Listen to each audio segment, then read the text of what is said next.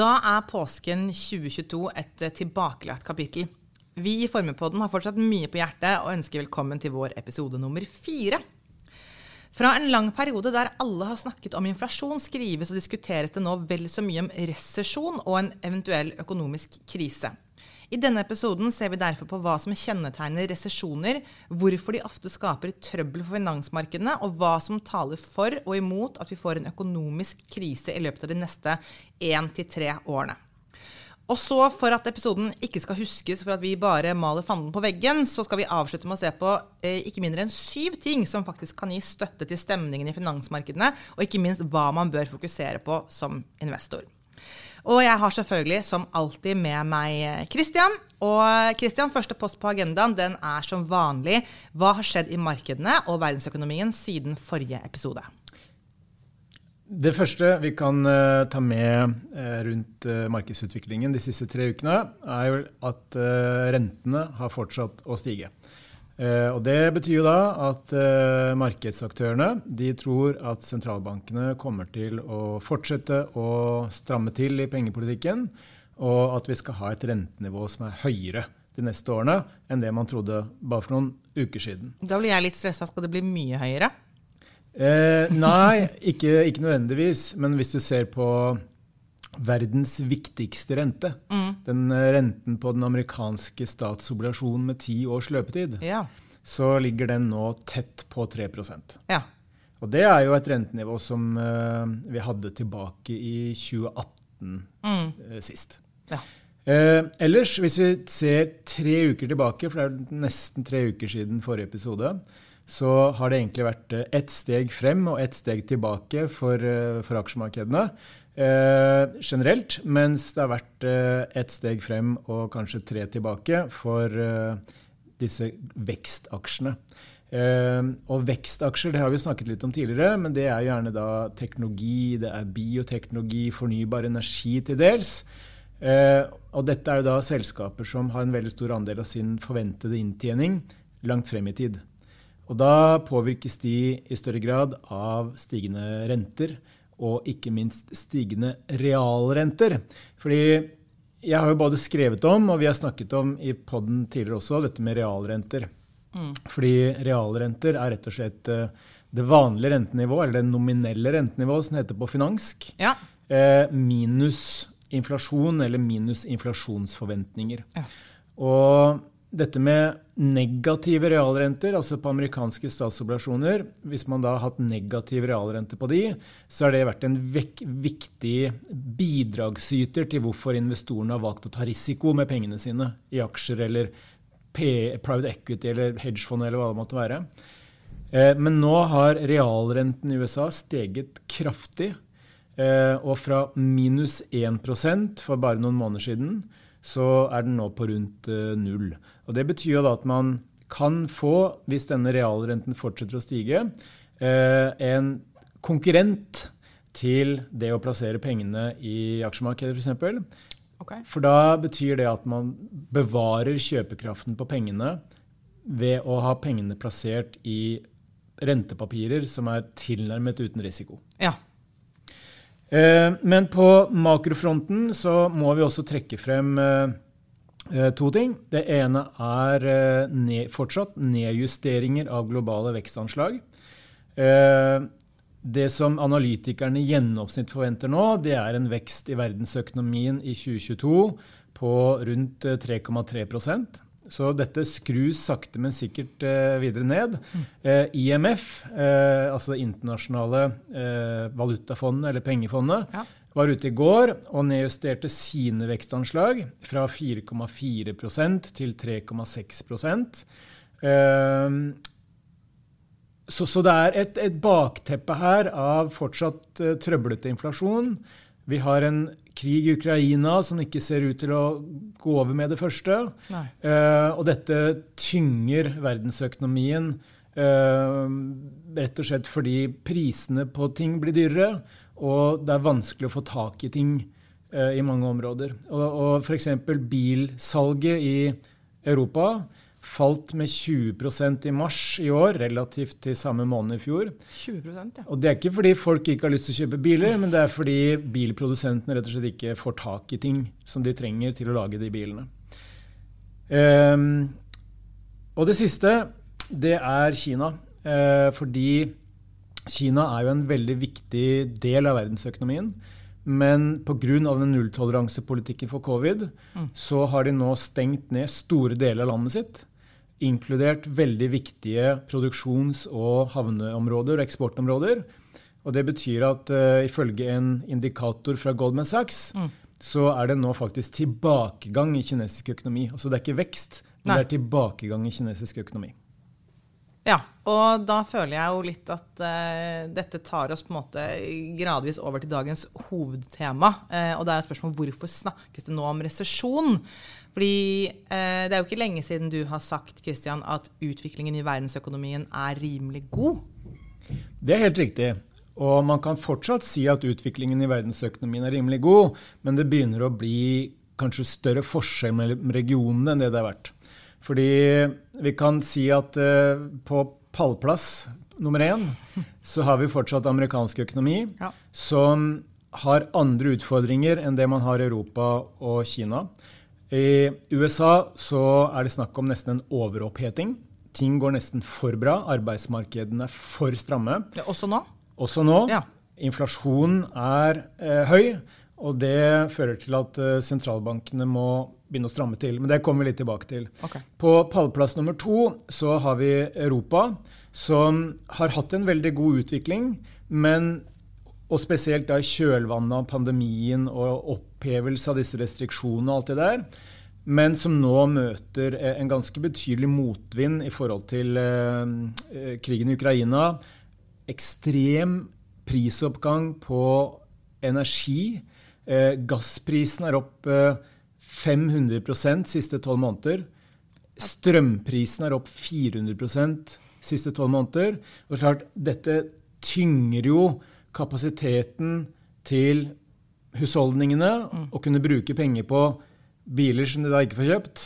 Eller mer generelt altså det vi kaller diskresjonært forbruk. Altså de, de, tingene man har lyst til å kjøpe av mm. varer og tjenester som ikke er de faste utgiftene. Det er det diskresjonære forbruket? Ja. ja. Eh, men der er det nå helt klart utfordringer for europeisk økonomi. Eh, det kan ikke utelukkes at man får et kvartal eller to med tilbakegang i økonomien. Og på pallplass nummer tre så har vi da kinesisk økonomi. Nå tenker jeg på de store regionene pga. det som skjer knyttet til covid. Men vi skal også ta med at utenfor pallplass mm. så har vi også en del land i fremvoksende økonomier som nå sliter veldig. F.eks. Sri Lanka som har langt høyere utgifter enn det de har inntekter i øyeblikket. Og de har da bedt IMF om hjelp til å klare seg. Så det er en del ting som skjer i verdensøkonomien som eh, skaper utfordringer. Men det er tydelig pallplass plassering og fordeling i øyeblikket. Men nå ble jeg litt overrasket, for Sri Lanka det er ikke et land jeg har noe sånn eh, Nå er jo jeg ikke finansalibiet her. Eh, Sri Lanka er ikke et land jeg på en måte har noe sånn forhold til når jeg tenker økonomi. Så når du tar opp det, hvor, hvor mye har liksom Sri Lanka sin økonomi å, å si, egentlig? E, egentlig ingenting for verdensøkonomien. Egentlig ingenting, Nei, okay. for, ingen, egentlig ingenting for eh, finansmarkedene. Nei. Men det er, kall det, et symptom på at eh, det som skjer i verden med råvarepriser, med renter, eh, valutakurser, det kan få store konsekvenser for land som har sårbare statsfinanser. Ah, okay, ja. eh, sånn som Sri Lanka, Peru er et annet. Eh, ja, det ja. finnes flere ulike mindre økonomier i, i, i emerging markets mm. som nå eh, sliter. Ok, skjønner. Da går vi videre, og mitt neste hovedspørsmål til deg eh, er hvorfor er det sånn at det kan være nedturer i aksjemarkedet uten resesjoner, men det er sjelden resesjoner uten til dels store kursfall? Ja, eh, fordi vi vet jo at det kan være eh, store si, urolige perioder i, i finansmarkedene uten at det nødvendigvis leder til resesjon. Og det kan jo føre til, eller det kan skyldes at det kommer jeg å si, uventede sjokk, det kan være frykt som oppstår.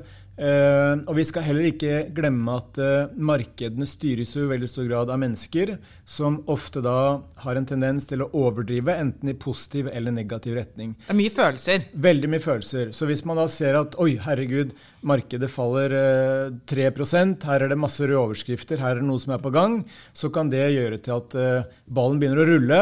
Og så kan dette igjen forsterkes av datamaskinbaserte handelsstrategier, mm. som da responderer på store kursfall, som da fører til at de må selge. Og så blir dette en, en negativ uh, spiral. Men så, så, vi har hatt flere episoder tilbake i tid hvor vi har hatt kursfall i finansmarkedene, men hvor dette ikke fører til resesjoner. Men vi har ikke hatt så veldig mange globale eller amerikanske resesjoner som ikke har ført til kursfall i finansmarkedene.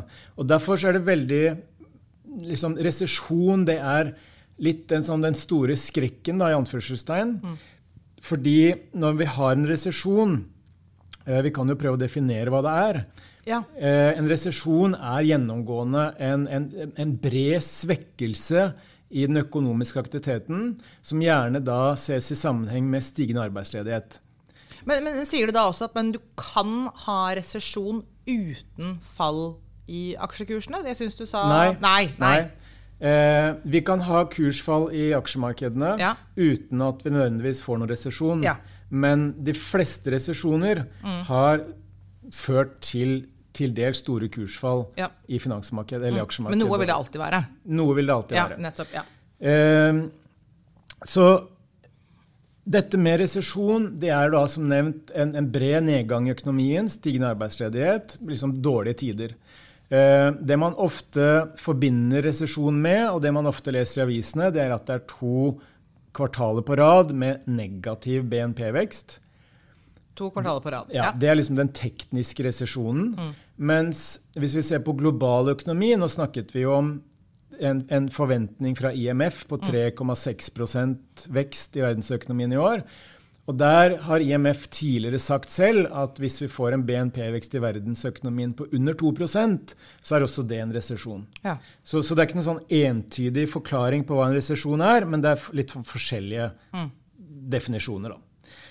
Eh, når det gjelder eh, hvorfor resesjoner pleier å utløse kursfall i finansmarkedene, så er det ganske, det er ganske god eh, årsakssammenheng der. Mm. Fordi du kan tenke deg det viktigste, den viktigste drivkraften for aksjemarkedet over tid, det er jo at selskapene tjener mer penger år etter år. Mm. Og, og, da er det slik at Hvis selskapene klarer å øke lønnsomheten sin for hvert år som går, så betyr jo det også at selskapene skal bli mer verdt, og det skal da reflekteres i stigende kurser. Mm. Men når man da har en resesjon, så betyr jo det at den økonomiske aktiviteten faller. Etterspørselen etter varer og tjenester fra bedrifter og husholdninger, og det offentlige også kanskje, faller. Og da betyr det at for de bedriftene som lager disse varene og tjenestene, så vil jo de selge mindre. Og det vil da kunne tære på lønnsomheten. Mm. Eh, så det man da opplever i en resesjon, det er at forventningene til inntjening faller. Og det er negativt. Mm. Men i en økonomisk nedgangsperiode så får du også denne psykologiske effekten, nemlig at investorene blir engstelige og redde for hva som kan skje. Og da faller jo risikovilligheten blant investorer. Så du får både den, kall det realøkonomiske eller den, den økonomiske hiten mm. på inntjeningen. Men du får også den kalde psykologiske eh, effekten fra lavere risikovilje hos, eh, hos investorene. Den, den, psykologiske effekten, er den liksom større når det er nedgangstider enn oppgangstider, eller? Nei, altså min erfaring etter, etter, mine år i bransjen er at den er ganske symmetrisk. Okay, ja. eh, fordi vi har hatt perioder hvor det har vært eh, Eh, det, det, som på fint heter 'irrational eh, exuberance', eh, altså overdreven optimisme. Ja. Og det så vi jo gjennom ja, slutten av 2020, deler av 2021, mm. hvor det var liksom ja, en heidundrende fest i finansmarkedene. Alt gikk opp. Og man leste på sosiale medier om at uh, stocks only go up og, og, og sånne ting. Oh, ja. um, og, og, det er kanskje noe av det man har, ser rester av i dag også. Mm. Når aksjemarkedene liksom holder seg såpass bra til tross for så mye usikkerhet. Og enhver en tendens til litt store kursfall de blir raskt kjøpt opp igjen. Og det kan være en rest av at en del investorer tenker at eh, dette er midlertidig, aksjer skal bare opp. Men det er kanskje litt bra, det da, med litt sånn at det henger igjen litt den optimismen, så man ikke får den plutselig den overdrevne pessimismen som på en måte vil lage en sånn forsterkende spiral nedover? Absolutt, ja. og det, det, det, er jeg for så vidt enig i. Men den, den holdt på å si, baksiden av den medaljen, det kan jo være at den dagen de, de, de siste optimistene da, ja. blir pessimister, ja. så kan det jo eh, virkelig snu eh, hardt. Ja. Eh, for da får man kanskje en liten vekker om at eh, stocks don't only go up. Nei, selvfølgelig. Ja.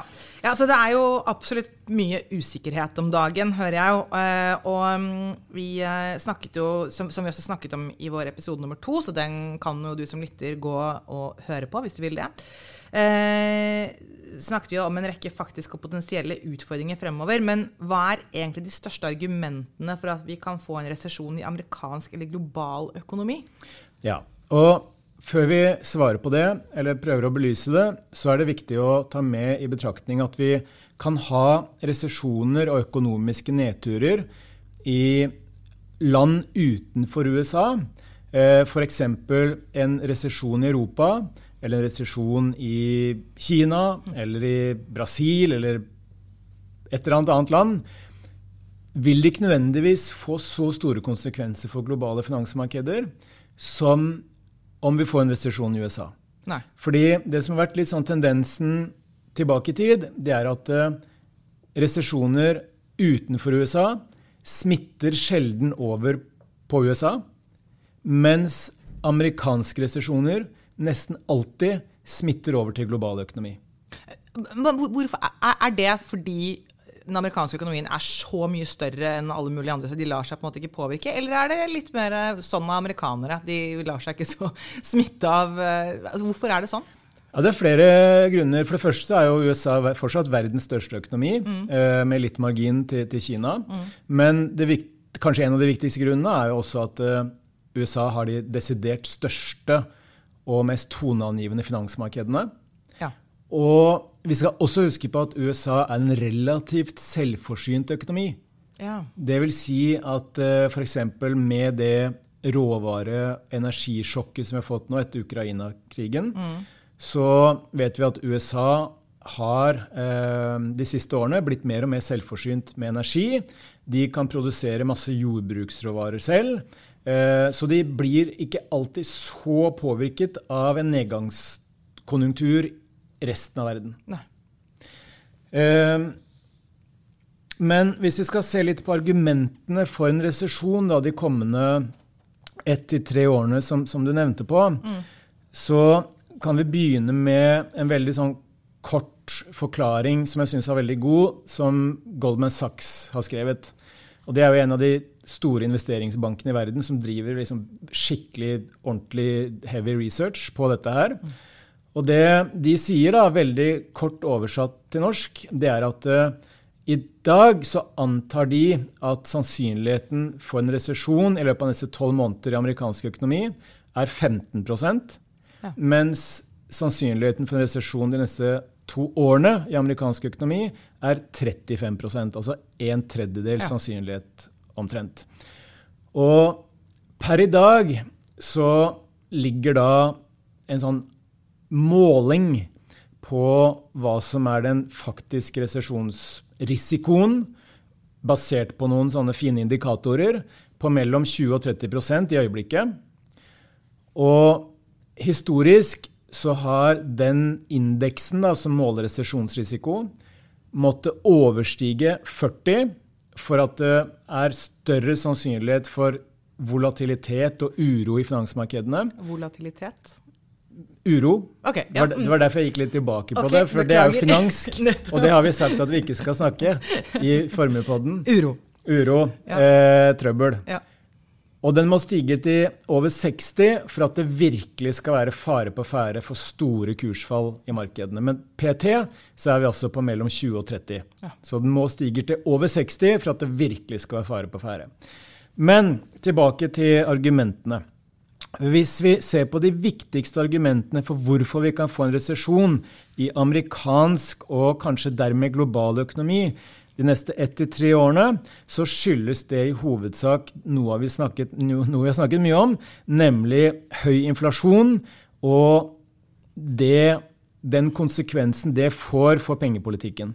Fordi når inflasjonen er så høy, så nå er den 8 i USA, mens sentralbanken vil at den skal være under 3, kanskje ned mot 2, så betyr det at de må stramme inn i rentene. De må heve rentene ganske mye.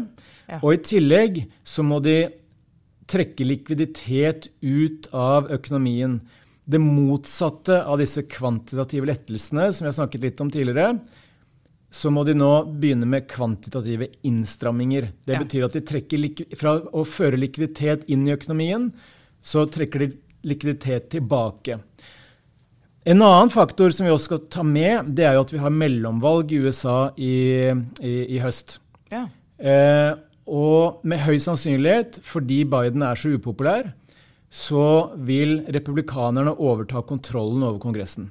Mm. Og det kan bety at vi fra store ambisjoner og luftige planer hos Biden-administrasjonen om å ha en ekspansiv finanspolitikk, build back better, som de, de kaller det, så kan vi gå mot en situasjon der finanspolitikken skal strammes inn. Fordi republikanerne vil jo gjøre alt de kan for at Biden skal bli enda mindre populær. Ja. Og da kan vi få egentlig sånn trippel innstramming i amerikansk økonomi. Både renteoppgang, likviditetstilbaketrekking og en innstrammende finanspolitikk. Og sammen så kan de føre til at forbrukerne i USA, bedriftene og forbrukerne, de må også stramme inn livreima. Og det kan føre til at økonomien går inn i en, en nedgangsperiode. Det som også da kan være med på å forsterke eller utløse en inflasjon, det vil jo være økt usikkerhet generelt blant husholdningene, blant bedriftene og investorene. At man rett og slett blir mindre villig til å bruke penger og ta risiko med pengene sine mm. for, for, for, for eh, investorene sin del. Vi kan også se at bankene blir mer usikre i forhold til kredittverdigheten hos bedrifter, kredittverdigheten hos husholdninger, og at de da er mer restriktive i sin uh, utlånspraksis. Når det gjelder finansmarkedene, så vet vi at finansmarkedene har aldri før vært en så stor og viktig del av økonomien som det den er i dag. Og det kan bli en utfordring hvis det kommer kursfall og det blir trøbbel i finansmarkedene.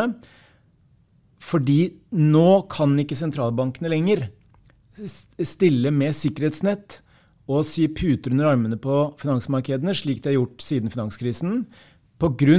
nettopp høy inflasjon. De er nødt til å stramme til, selv om det blir uro i finansmarkedene. Så alt dette her kan egentlig øke risikoen da, for en resesjon de neste ett til tre årene? Jeg blir litt uh, Ja, det, det, høres jo absolutt ut som at uh, en del av de utfordringene vi ser her, som du snakker om, uh, det høres jo ganske, ganske, streng og pessimistisk ut, egentlig. At, at, de har en reell mulighet for å føre til en økonomisk svekkelse. Så ja, da håper jeg jo at du kanskje har noen argumenter på lur for at ting kan gå rimelig greit også. For det er jo ikke mm, altså, Jeg er jo fysiker, så jeg er opptatt av naturlover. Og innen, uh, innen finans så er det jo ikke at det er en naturlov at vi skal få en resesjon eller krise. Nei, det er ikke det. Det er ingen naturlov. Det er ikke gitt. Og hvis vi går litt tilbake til det jeg nevnte rundt Goldman Sachs sin anslag, altså de spår altså 35% sannsynlighet for resesjon i løpet av disse to årene i amerikansk økonomi, så er det fortsatt to tredjedels sannsynlighet for at vi ikke får resesjon. Og eh, Goldman Sachs er ikke kjent for å være veldig, veldig optimistiske i øyeblikket. Eh, de har bl.a. noen av de laveste vekstprognosene eh, for global økonomi. Men likevel så har de da bare en tredjedels sannsynlighet for resesjon. Mm. Men hvis vi skal se på de viktigste argumentene, så er det at det som normalt skaper eh, eller forsterker en resesjon når den økonomiske nedturen først kommer, mm. det er om man har store ubalanser i økonomien. Og Det kan f.eks. være overdreven optimisme og overinvesteringer i næringslivet. Det kan være overdreven gjeldsoppbygging og optimisme hos husholdningene, altså privatpersonene, sånn som man så før finanskrisen eksempelvis. Eh, men det er ikke ting vi ser i dag. Fordi i dag så har bedriftene masse penger på bok. Altså gjelden har økt hos bedriftene, men de har de har liksom masse kapitalreserver mm. til å kunne betjene den gjelden. Ja. Og Det samme ser vi hos eh, husholdningene også, både i USA og Europa og mange andre, andre vestlige land. egentlig. Så har man etter pandemien bygget opp uh, mer kapitalreserver enn det som er vanlig. Som en følge av pandemien?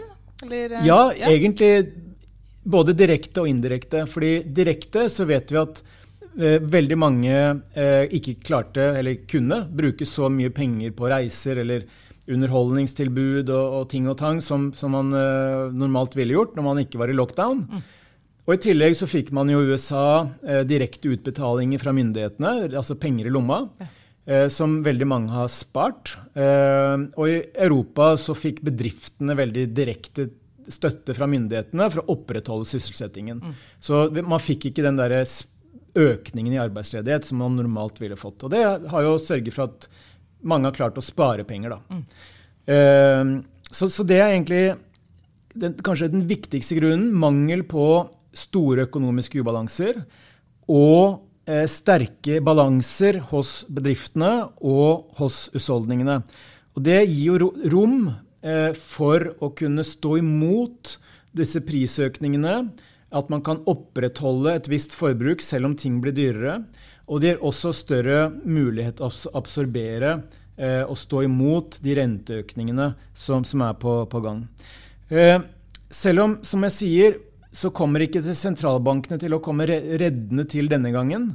Men finanspolitikken, der ser vi at politikerne har blitt mer villige til å bruke budsjettene og den offentlige pengebruken til å støtte økonomien i større grad. Og Det ser vi i Europa. Mm. Det snakket vi om sist, rundt dette med akselerasjon av det, for, uh, det grønne skiftet, mm. uh, investeringer i forsvarsindustrien osv. Men vi ser det også i, i, Kina, hvor inflasjonen fortsatt er lav, og hvor kinesiske myndigheter da, gitt den dårlige pallplasseringen som jeg skisserte mm. tidligere, uh, har høy sannsynlighet for å bruke penger for å stimulere økonomien i større grad fremover.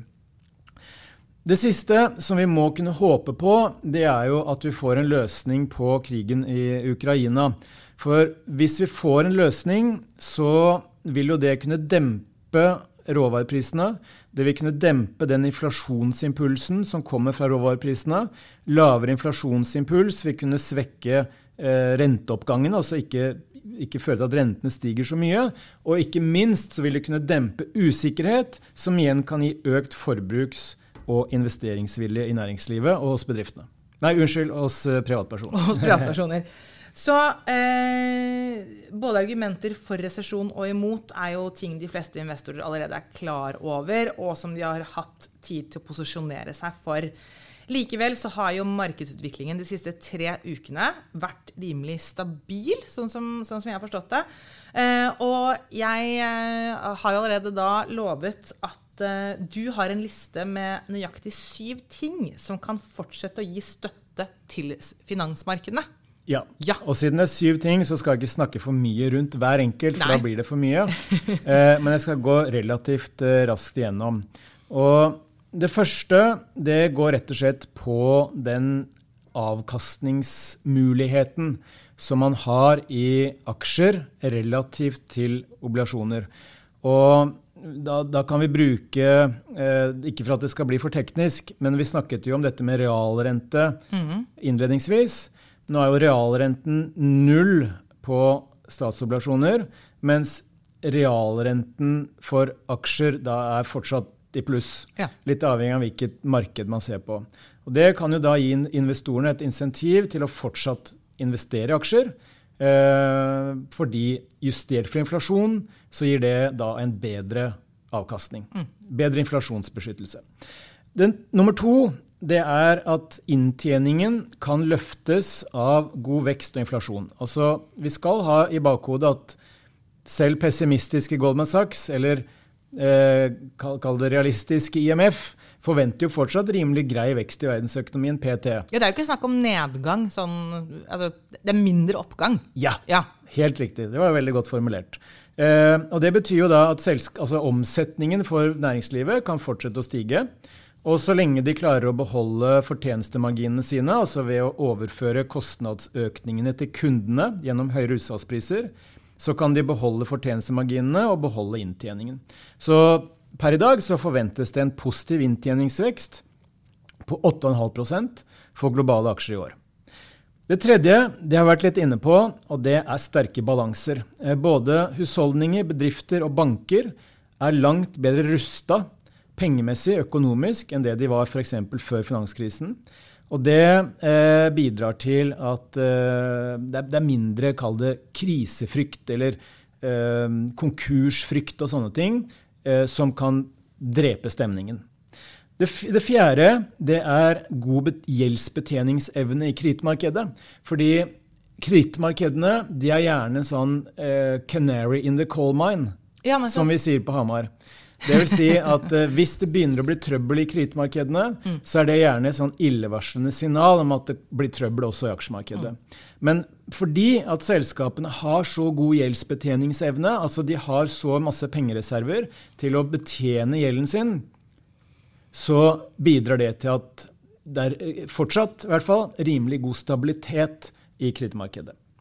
Det femte det går på noe jeg har vært innom eh, tidligere. Dette med ekspansiv finanspolitikk, men også høyt eh, potensial for kapitalinvesteringer. Og kapitalinvesteringer det høres kanskje gresk ut, men det er rett og slett pengebruk fra bedriftene. Ja. Og da er det tre ting jeg vil trekke frem som viktige katalysatorer for økt pengebruk. Og det er at Gjennom pandemien så har mange bedrifter opplevd at de må effektivisere arbeidsprosessene sine. De kan jobbe smartere, de kan jobbe bedre. Og det forutsetter investeringer i ny teknologi, i nye løsninger. Det andre er verdikjeder, supply chains, som det heter på hamarsk. Eh, disse globale forsyningskjedene. Yes. De har vært et kjempeproblem helt siden pandemien. De er forsterket av krigen, de er forsterket av nulltoleranse, covid-politikk i Kina. Eh, og da ser man at veldig mange bedrifter nå ønsker å få eh, forsyningskjedene tettere innpå seg og med mindre risiko. Det tredje går på ESG, eh, inkludert klimatilpasninger. Fordi vi vet at mange bedrifter har nå kniven på strupen om å redusere karbonavtrykket sitt. Ja.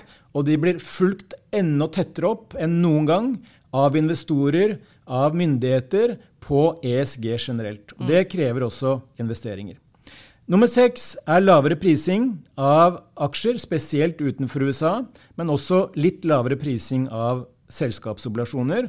Og lavere prising det betyr alt annet likt litt høyere avkastningspotensial på sikt. Yep. Og den siste mindre overdreven optimisme. Dette har vi snakket om. Irrational exuberance. Yes. Og færre bobletendenser i markedene. Og det er jo en viktig greie, fordi mm. noe av det som har liksom skapt de store kursfallene historisk, det er når det er glory days, og alt er en dans på roser og skal vokse til himmels. Mm. Og så får man et sjokk, og så går liksom, da, da, blir det kraftig fall. Men nå har man liksom tatt bort en del av den der overdrevne optimismen, og det kan være en, en viktig sånn stabilisator i tider med dårlige nyheter, sånn som vi har sett nå egentlig eh, så langt i år. Yes, Så det var altså dine syv sånn litt mer positive ting nå. Synes jeg Du var veldig flink til å ta det. Viktig å ta med det. Ja, det, det, det er veldig bra. Du var, også, du var kort og konsis. Det er veldig bra. Eh, så eh, siste punkt på agendaen her i dag, Christian. For vi har jo snakket om ved flere anledninger at det å forsøke å time markedet som investor, det er umulig. Eh, og i hvert fall er det det å gjøre det kontinuerlig over tid. I hvert fall hvis man skal gjøre det lovlig. Eh, Elisa, det vi har vært igjennom i dag, hva bør man egentlig gjøre som investor?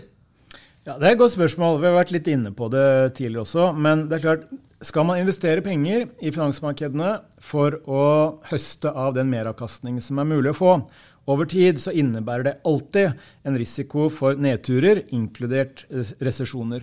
For det er jo tross alt risiko, usikkerhet, som er grunnlaget for den meravkastningen man kan oppnå, eller det man på finansk kaller risikopremier. Altså at man får betalt for å ta risiko. Klarer man å tidfeste når nedturen i økonomien eller markedene kommer, og man i tillegg klarer å tidfeste når kurssnusser oppover igjen etter et kursfall, da har man en veldig fin pengemaskin. Og hadde noen klart å få til det kontinuerlig over tid, så hadde de vært verdens rikeste mennesker med, med veldig god margin. Men Dessverre så er det ingen som vet eh, på forhånd hvilke tidspunkter den økonomiske svekkelsen kommer på. Altså Normalt så er det jo vrient nok å spå hvordan økonomien skal gå det neste året. Mm. Ikke minst de neste to eller tre årene. Og da er det også i prinsippet umulig å vite på forhånd når er det nedturen i økonomien kommer, og i tillegg når er det nedturen i markedene kommer, når man begynner å lukte den økonomiske svekkelsen. Og Litt av grunnen til at det er så umulig å spå, det snakket vi om i forrige episode, men det handler jo bl.a. om at det er så utrolig mange ulike, uforutsigbare eh, variabler. Og i tillegg så må man vurdere hvordan det markedspsykologiske aspektet vil spille inn i dette her også. Ja. Så det er jo da summen av hundretusenvis av individuelle investorer, og hvordan de kommer til å agere på de nyhetene som kommer. Så sier det seg også selv at uh, i, i, tillegg til å spå hvor, hvor, når, liksom når bear-markedene kommer, når nedturene kommer i aksjemarkedet, så er det også ekstremt vanskelig å spå når de blir til bull-markeder igjen, altså når ting snur i riktig retning. Fordi ofte så vil de gjerne snu når omfanget av positive nyheter på marginen er større enn omfanget av negative nyheter. Og det er noe som er vanskelig å tidfeste. Ja. Men det er ingen tvil om at noe kan man gjøre. Eh, og i lys av det som kanskje blir et mer utfordrende markedsklima fremover, så er det jo risikospredning som er eh, det viktigste virkemidlet. Og det er jo da å legge eggene man har, altså investeringene, kanskje i enda flere kurver enn vanlig. Eh, og det kan da bidra til å dempe verdisvingninger, og også da tilbøyeligheten vår til å føle at vi må gjøre noe. Vi må gjøre noen endringer, vi må gjøre noe. Når kursen da faller og avisoverskriftene blir blodrøde. Og Det er også et faktum at man ved å selge for tidlig før de store kursfallene kommer, faktisk kan gå glipp av mer avkastning opp mot toppen enn det man sparer i anførselstegn ved å være ute av markedet når kursfallene faktisk skjer. Så ved å holde seg til masten reduseres også sannsynligheten for at man er ute av markedet den dagen du snur. Så Som vanlig så handler det om da å puste med magen, eh, risikospredning, kanskje enda mer risikospredning nå enn til vanlig, er det jeg hører veldig kort oppsummert. Jeg synes det var fantastisk god oppsummering. Tusen takk. Og da, da, tror jeg vi runder av dagens episode. Tusen takk, Kristian, for at du deler av din, eh, av din kunnskap med meg. Og takk til deg som lyttet, og takk for i dag.